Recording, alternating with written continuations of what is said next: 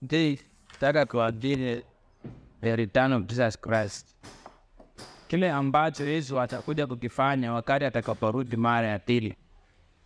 Na katika hiyo kurudi, tuko na incident kadhaa kwa kitabu cha Agano na kane ambacho inazungumza kuhusu kuja kwa Yesu. So tutazungumzia kuhusu kukuja kwa Yesu mara ya pili na kile atakuja kukifanya na atakuja wakati gani, na tutakuwa na vipindi gani ambazo zitatokea wakati Yesu atakuwa, na baada ya kukua nini kitafanyika. Bwana Yesu asifiwe. Tutaanza from Isaya chapter number 2 verse 10. Isaya akianza kuandika kitabu unabii wake katika Isaya mbili kumi alianza kuzungumza kuja kwa Yesu, pia kwa mara ya pili, si ya kwanza, mara ya pili.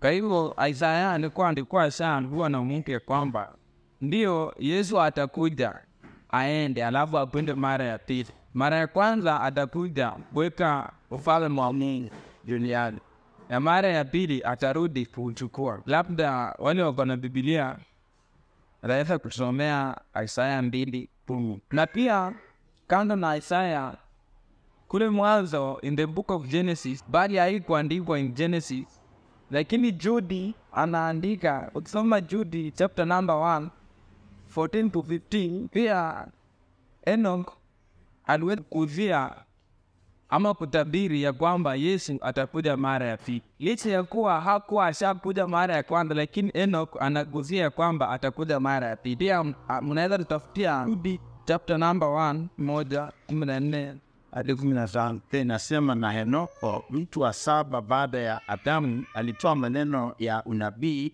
juu ya hao akisema, angalia, Bwana alikuja na watakatifu wake maelfu maelfu, ili afanye hukumu juu ya watu wote na kuwaadhibisha wote wasiomcha Mungu kwa ajili ya kazi zao zote za upotevu walizozitenda bila kumcha Mungu na ya ajili ya maneno magumu yote ambao hao wenye dhambi wasiomcha Mungu wameyanena juu yake.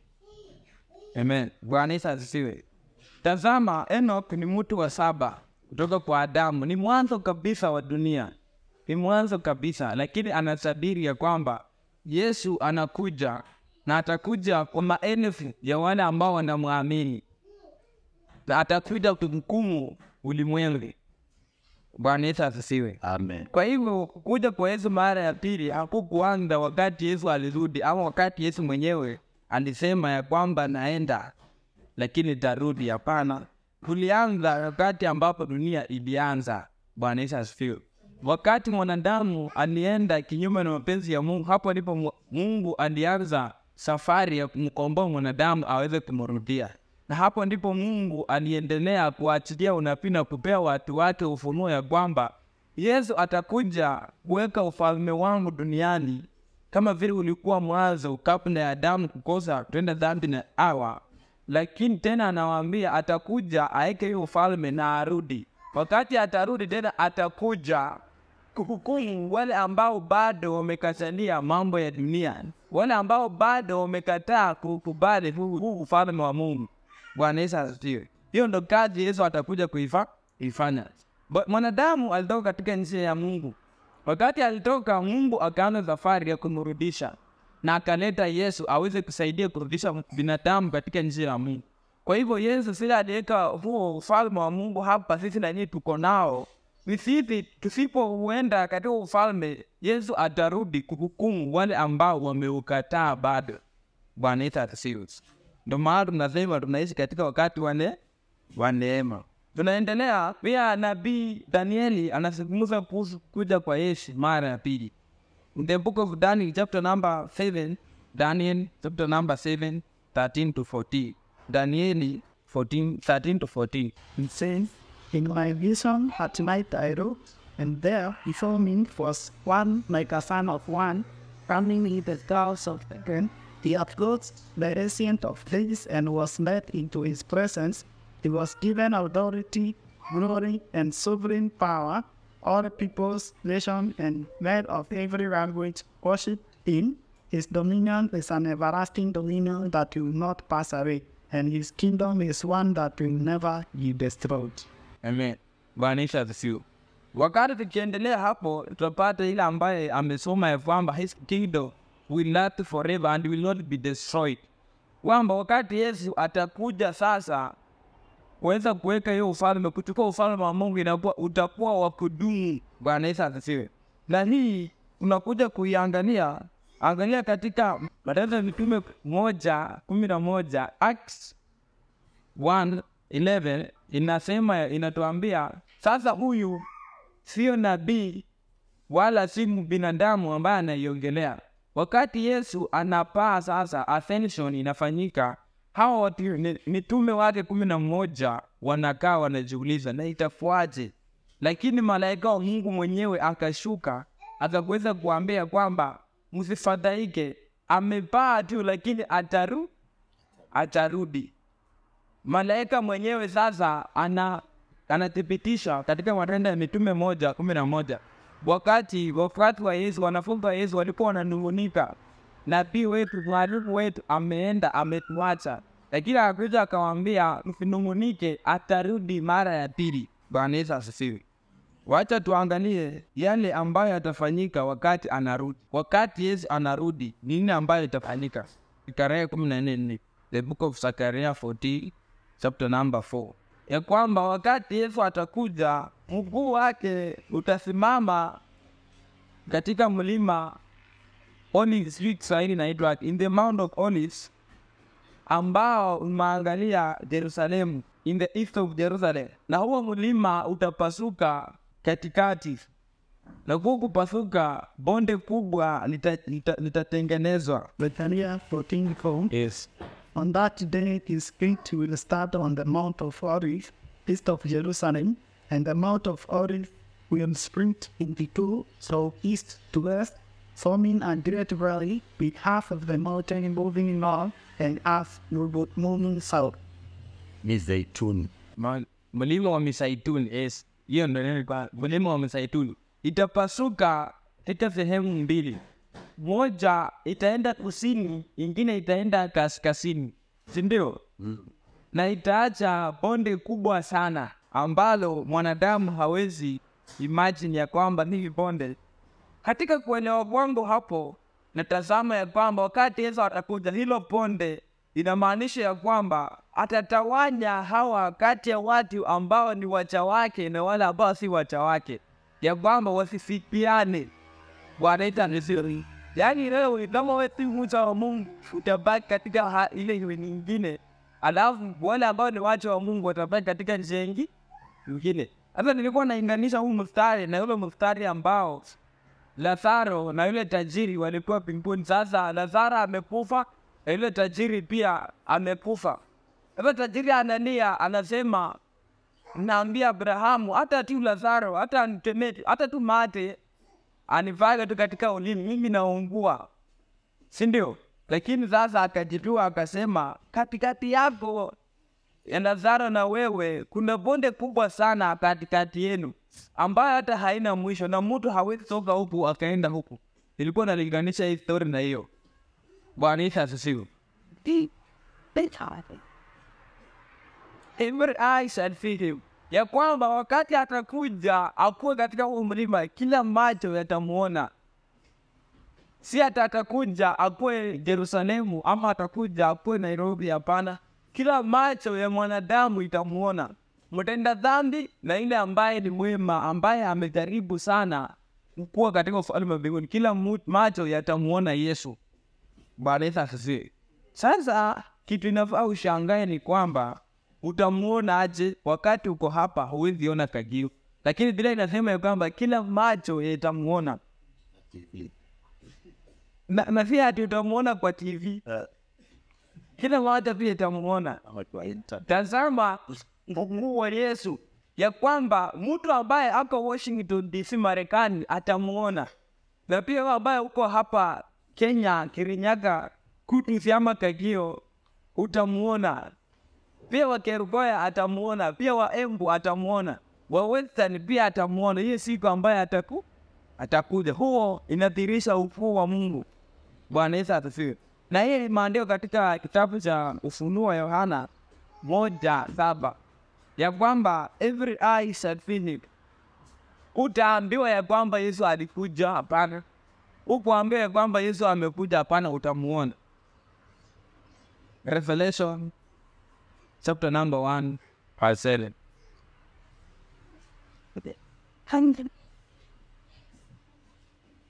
Alafu utamuona kwa nini? Kwa nini? Tutamuona kwa sababu ya kutuhukumu, kuhukumu matendo yetu na kazi ya mikono yetu. Sili yale ambayo ulifanya ni yale ambayo ufanye, ni yale ambayo alikuelekeza ufanye. Sasa utahukumiwa. Bwana Yesu. Hiyo iko katika he will judge all nations, atahukumu mataifa yote. Wakati nilikuwa naangalia nation katika kibibilia haikumaanisha nations kama Kenya, hapana. Si nation kama Uganda, hapana. Nation ya kwamba ni kikundi cha watu ambao wanazungumza luka moja ama wako katika maadili mamoja, all nations. Kwa hivyo kuna kikundi cha watu ambayo kinafanya mambo ambayo hayampendezi Mungu na kuna kikundi cha watu pia kina, kinafanya mambo ambayo yanampendeza Mungu. Hiyo Revelations 19:15. na upanga mskari kutoka kinywani mwake ili awapige mataifa wa huo, naye atawachunga kwa fimbo ya chuma, naye atakanyaga shinikizo la nyinyo mvinyo ya ghadhabu ya hasira ya Mungu Mwenyezi. ni kwamba hata kwa fimbo ya chuma, yaani hata kuja kupembeleza mtu. Yes, hapo huko mbele niko kuzungumzia kuhusu he will, he will dictate. Unaona, he will dictate, yaani sasa nataka tuzungumzie kuhusu the millennial kingdom, the millennium, the uh, 1000 years dispensation of Jesus Christ on earth or in God's kingdom.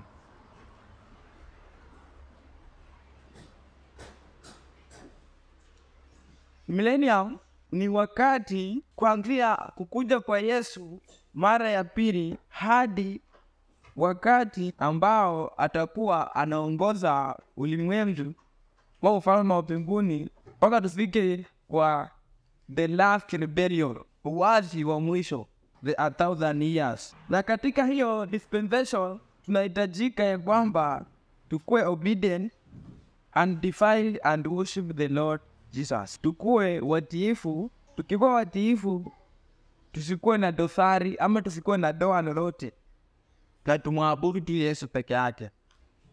Isaya kumi na moja tatu hadi tano. na furaha yake itakuwa katika kumcha Bwana, wala hata hukumu kwa kuyafuata anayo nayo kwa macho yake, wala hataonya kwa kuyafuata ayasikiayo kwa masikio yake, bali kwa haki atawahukumu maskini, naye atawaonya wanyenyekevu kwa dunia kwa, adili, naye ataipiga dunia kwa fimbo ya kinywa chake, na kwa pumzi ya midomo yake atawaua wabaya. Yes. Bwana Yesu asifiwe. Ya kwamba wakati huo, wakati Yesu atakuja hukumu, yeye hatasikia kitu ambacho ameambiwa na mti, atahukumu kwa haki. Hii inamaanisha ya kwamba siku ya hukumu, ndio maana watu tunasema hakuna ufisadi mbinguni, hakuna ufisadi kwa, ye, kwa Yesu. Utahukumiwa na haki vile matendo yako yako, si ya kwamba George amekuchukia ameambia Yesu ya kwamba huyu Edwin ni mubaya ama huyu Julius ni mubaya. Hapana, utahukumiwa kulingana na matendo yako we mwenyewe. Je, ulikaidi maagizo ya Yesu ama uliyatenda? Bwana Yesu asifiwe. Na katika hiyo kipindi ya kwamba hiyo kipindi kikamilika, akikuja vile natuambia atatuma shetani in the abyss, yani shetani atakuwa ameshikwa mate, mateka hata kuwepo. Kwa hivyo tutakuwa tunaishi, huwezi sema ya kwamba ni shetani alifa alifanya nikatenda mabaya. Hapana, shetani hata kuwepo hiyo wakati Yesu anaongoza sasa. Sasa wakati shetani Yesu atakuwa anamalizia kazi yake ya kuongoza, ya kwamba wakati mtashindwa, shetani pia ataachiliwa, na huo wakati utakuwa na pia binadamu ambao wataenda kinyume na Mungu, wataenda kinyume kwa mara ya wa mwisho. Revelation 27 to 9 ya kwamba after Satan is loosed from abyss, sinful men rebels one more time, ya kwamba binadamu ambao ni watenda dhambi watamkataa, watamwasi Mungu mara ya mwisho. Revelation 27 to 9. To 79 says, When the thousand years are over, Satan missed his teaser and we go out to deceive the nation with the four corners again, Gog and Magog, to gather them for battle. In number, they are they sat on the seashore, and they marched close to embrace God. They surrendered the cup of God he took, the city cannot, but going coming down from heaven, they devoured them. Bwana Yesu you. Ya kwamba baada ya miaka elfu moja kukamilika, shetani ataachiliwa kutoka gerezani ambaye aliwekwa na Yesu, na atakuja aanze kudanganya mataifa. Wakati ataanza kudanganya mataifa, wa, mataifa ambao watamsikiliza wataanza kumwasi Mungu tena. Bwana Yesu asifiwe. Wataanza kumwasi Mungu tena, na baada sasa ya kuanza kumwasi Mungu, hapa sasa tutakuwa the final judgment. Now the fire from God. Tusomee endelea mpaka 15 hiyo tu. Who refused them, they was thrown into the lake of burning sulfur, where the beast and the false prophet had been thrown. They will be tormented day and night forever and ever. And then I saw a great white throne and him who was seated on it. Earth and sky fled from his presence, and there was no place for them. And I saw the dead, great and small, standing before the throne, and the books were open. Another book was opened, it is the book of life. The dead were judged according to what they had done, as recorded in the books. The sea gave up the dead that were in it, and the dead and the dead gave up the dead that were in them, and each person was was judged according to what he had done. Then then and were through into the lake of fire. The lake of fire is the second death. If anyone's name was not found written in the book of life, he was thrown into the lake of fire. Amen. Kwa hivyo huyu shetani wakati anatolewa gerezani anadanganya binadamu tena. Huyu binadamu wakati ana asi Mungu, Mungu amechukua huyu shetani na anamrusha katika mu moto. Bwana Yesu asifiwe. Na wale ambao walikufa wanafufuli wanafufuliwa, si ndio? Ili mimi na wewe wale ambao tuko hai na yule mwenye alikufa to face the final judgment. Inamaanisha ya kwamba even if you died today, na Yesu atakuja a thousand years to come, ya kwamba we will resurrect pamoja, tuweze kuungana na wale ambao wako hai, ili tuweze kuenda katika kiti cha enzi ili kwa huku hukumiwa. Na katika hizo hukumu, Biblia inatuambia kwamba wale ambao wanapatikana walimwasi Mungu watatupwa kwa ile moto ambaye shetani mdanganyifu ametu ametupwa. Na baada ya hapo Jesus restored creation and rules rashly in Israel with all saints assisting him.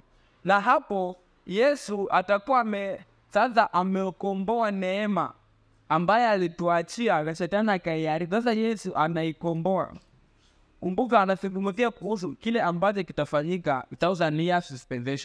Sasa neema ile ambayo shetani ameiharibu, Yesu anaikomboa na anaanza kuongoza katika utakatifu, na wale ambao ni waaminifu wake wakimsaidi akimsaidia. Hiyo unaweza ipata in the book of isaya kumi na moja moja hadi tano.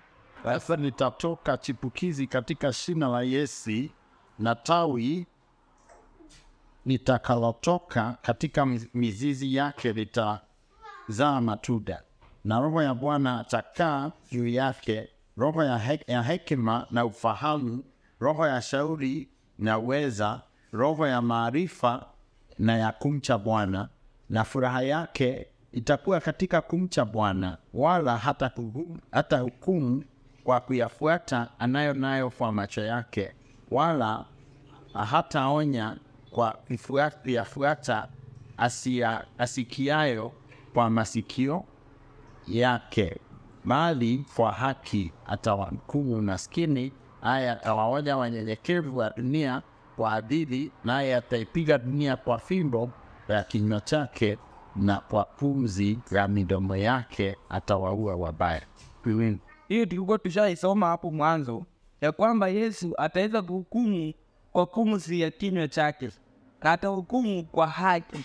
Haki ni kulingana na matendo yako ambayo umeyate, umeyatenda mwenyewe.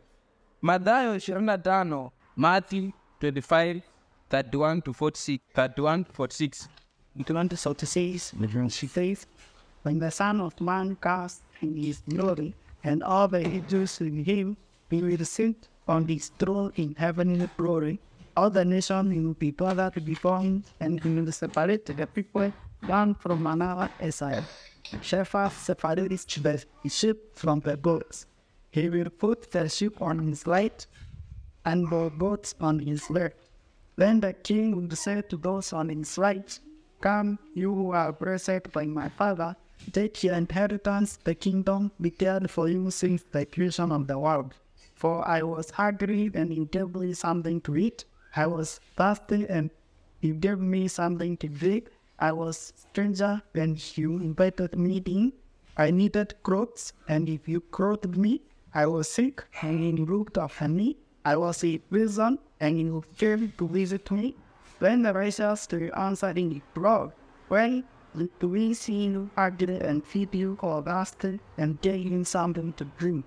When do we see you and invite to the or meet hidden cooks and clothe you? When the we see you sick or in prison and go to visit you?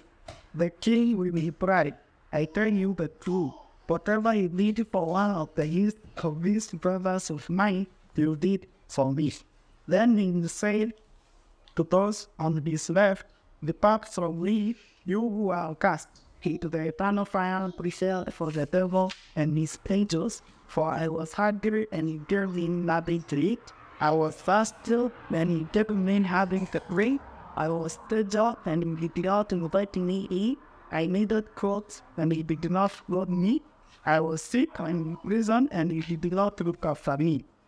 Then me, they also will answer, Lord, where did you see, where did we see you hungry or sick or in prison and did you not help? They will reply, I tell you the truth, whatever you did not do for one of the least of these, you did not do for him. They go away to the eternal punishment, but to the righteous, the eternal again. Sasa hapa Yesu alikuwa anatuibia siri how he will judge the nation when we come. Bwana Yesu asifiwe. Alikuwa anatuibia siri jinsi ataweza kuhukumu, isikezo gani atatumia kwa ajili ya kuhukumu ulimwengu, kuhukumu mataifa. Ukisoma usiende huko chini 31 ukianza 35 na ubwamie 40 anazungumza kuhusu wale ambao atawakubali katika ufalme wa mbinguni, ya kwamba nilikuwa mgonjwa ukanitembelea, nilikuwa na njaa ukanipea chakula, nilikuwa sina makao ukanipea makao, si ndio? Nilikuwa bila nguo ukanifisha, nilikuja ukanikaribisha. Na wakamuuliza Bwana, ni wapi ambao tulikuona tutakufanyia hayo mambo yote? Na akasema chini ambavyo ulifanyia wale ambao hawajiwezi katika taifa lako, hivyo ulikuwa unanifanyi unanifanyia. Bwana Yesu asifiwe. Kwa hivyo Mungu, God does not operate in ya kwamba Mungu anatumia mutu kubariki mutu mwingine, na pia Mungu anatumia mutu kulaani mutu mwingine. Bwana Yesu asifiwe. Kwa hivyo mtu ambaye hajiwezi akikuja kwa maisha yako unamsaidi Wakati unakataa kumsaidia, utaulizwa, nilikuja kwako kama sina chakula, ukanifukuza. Nilikuja kwako kama sina mavazi, ukaninyima mavazi. Nilikuwa mgonjwa, hukunitembelea. Bwana Yesu asifiwe. characteristic of the millennial kingdom in the thousand dispensation nini itakuwa inafanyika kitu ya kwanza ambayo itafua kwa wingi sana ni amani peace tutakuwa na amani. Tutakuwa na amani. Iko kwa isaya kumi na moja sita sita hati saba. Isaya kumi na moja sita hati saba. Mika nne tatu Mika 4 chapter 4 verse 3. Kitu ya pili yenye itakuwa in the thousand dispensation ni justice, justice, haki. Kutakuwa na haki in dispensation, kwa sababu Yesu mwenyewe atakuwa anaongoza, atakuwa na justice. Iko kwa Isaya kumi na moja tatu hadi nne, Isaya kumi na moja kumi justice. uh-huh. Oh, unity Isaya kumi na moja kumi ni unity, Utakuwa na unity, umoja, utakuwa na umoja in the thousand dispensation. During the millennium period tutakuwa na umoja. Isaya kumi na moja kumi abundance, yaani tutakuwa tunakosa kitu, tutakuwa na kila kitu ambacho tunaita tunaitaka, ndio kama ukisoma six second vita chapter number one tiri kuendelea mpaka tisa nakwambia kwa sababu Bwana ametukirimia vitu vyote vipasavyo kuishi, sindio? Kwa hivyo tutakuwa tumekaramiwa vitu vyote ambavyo vinapaswa sisi kui, kuishi. Hiyo iko kwa second Peter, iko kwa second Peter chapter number 1 verse 3, kwa kuwa uweza wake wa uungu umetukirimia vitu vyote vipasavyo uzima na utaua, kwa kumjua yeye aliyetuita kwa utukufu wake na wema wake mwenyewe. Tena kwa hayo ametukirimia ahadi kubwa mno za dhamani, ili kwamba kwa hizo mpate kuwa washirika wa tabia ya uungu. Bwana Yesu asifiwe. Kwa tunazungumzia kuhusu abundance, hatutakuwa hakuna mtu ambaye atakuwa na kukosa. Hakuna mtu ambaye atakuwa amepungukiwa katika hiyo kipi hiyo kipindi. Hiyo inamaanisha ya kwamba haya mambo ambayo Petero alizungumzia katika Petero waraka wa pe, waraka wa pili wa Petero ya kwamba ili kwamba kwa hizo mpate kuwa washirika wa tabia ya umbu mkiokolewa na uharibifu uliomo duniani kwa sababu ya tamaa, naam katika imani yenu tieni na wema, kwa sababu hapo tutakuwa na wema, na katika wema wenu maarifa, tutakuwa pia na maarifa, na katika maarifa yenu kiasi, tutakuwa pia na kiasi, na katika kiasi chenu saburi, tutakuwa pia na saburi, na katika saburi yenu utaua, na katika utaua wenu upendano wa undugu, na katika upendano wa undugu upendo. Bwana Yesu asifiwe. Kwa hivyo in the Atala dispensation tutakuwa na haya mambo yo yote. Ukisoma hapo tena kwambia na saidi ya yote upe upendo. There will be healing ponyaji. Si kuwapea verse ya abundance iko kwa Isaya 35 1 to 2. Isaya 35 1 to 2. Then hili uponyaji, utakuwa na uponyaji tutakuwa na shida mingi, huu mara wewe ni mgonjwa, mara hii nini. Hapana, wakati wayezi kuongoza tutakuwa tu sawa. Ini ni isaya Isaiah 35 5 to 6 35 5 next in the account dispensation tutakuwa na righteousness, uokovu utakuwa hali ya juu, yaani kila mtu atakuwa ameokoka na kila mtu atakuwa amemtambua Kristo. Isaiah 35 8 Lam kitu ya mwisho ambayo tutakuwa nayo ni joy. Joy, furaha. Yani kila mtu atakuwa na furaha. In the thousand dispensation tutakuwa na furaha. Alafu physical presence of Christ, Yesu ataonekana. Ndo nimesema huko mwanzo kwamba kila mmoja atamuona, na haitakuwa kwa TV, haitakuwa kwa radio, haitakuwa wapi, lakini kila mmoja atamu atamuona ilikuwa anasoma 5 Thessalonians 4:17 Biblia ikiniambia vizuri sana. Ufadhi ingine imenipendeza amplified, tasema watakatifu wataenda kukutana naye mawinguni. Alafu Kiingereza ikaniambia simultaneously amplified Bible, simultaneously, yani si ati tutakuwa tunanyang'ana ya kwamba Edwin anakimbia anisukume mimi nisimuone. Hapana, nakung'ana tunang'ang'ana simultaneously kwamba kaika naenda mimi naenda bila kukosesha mwingine amani, bila yani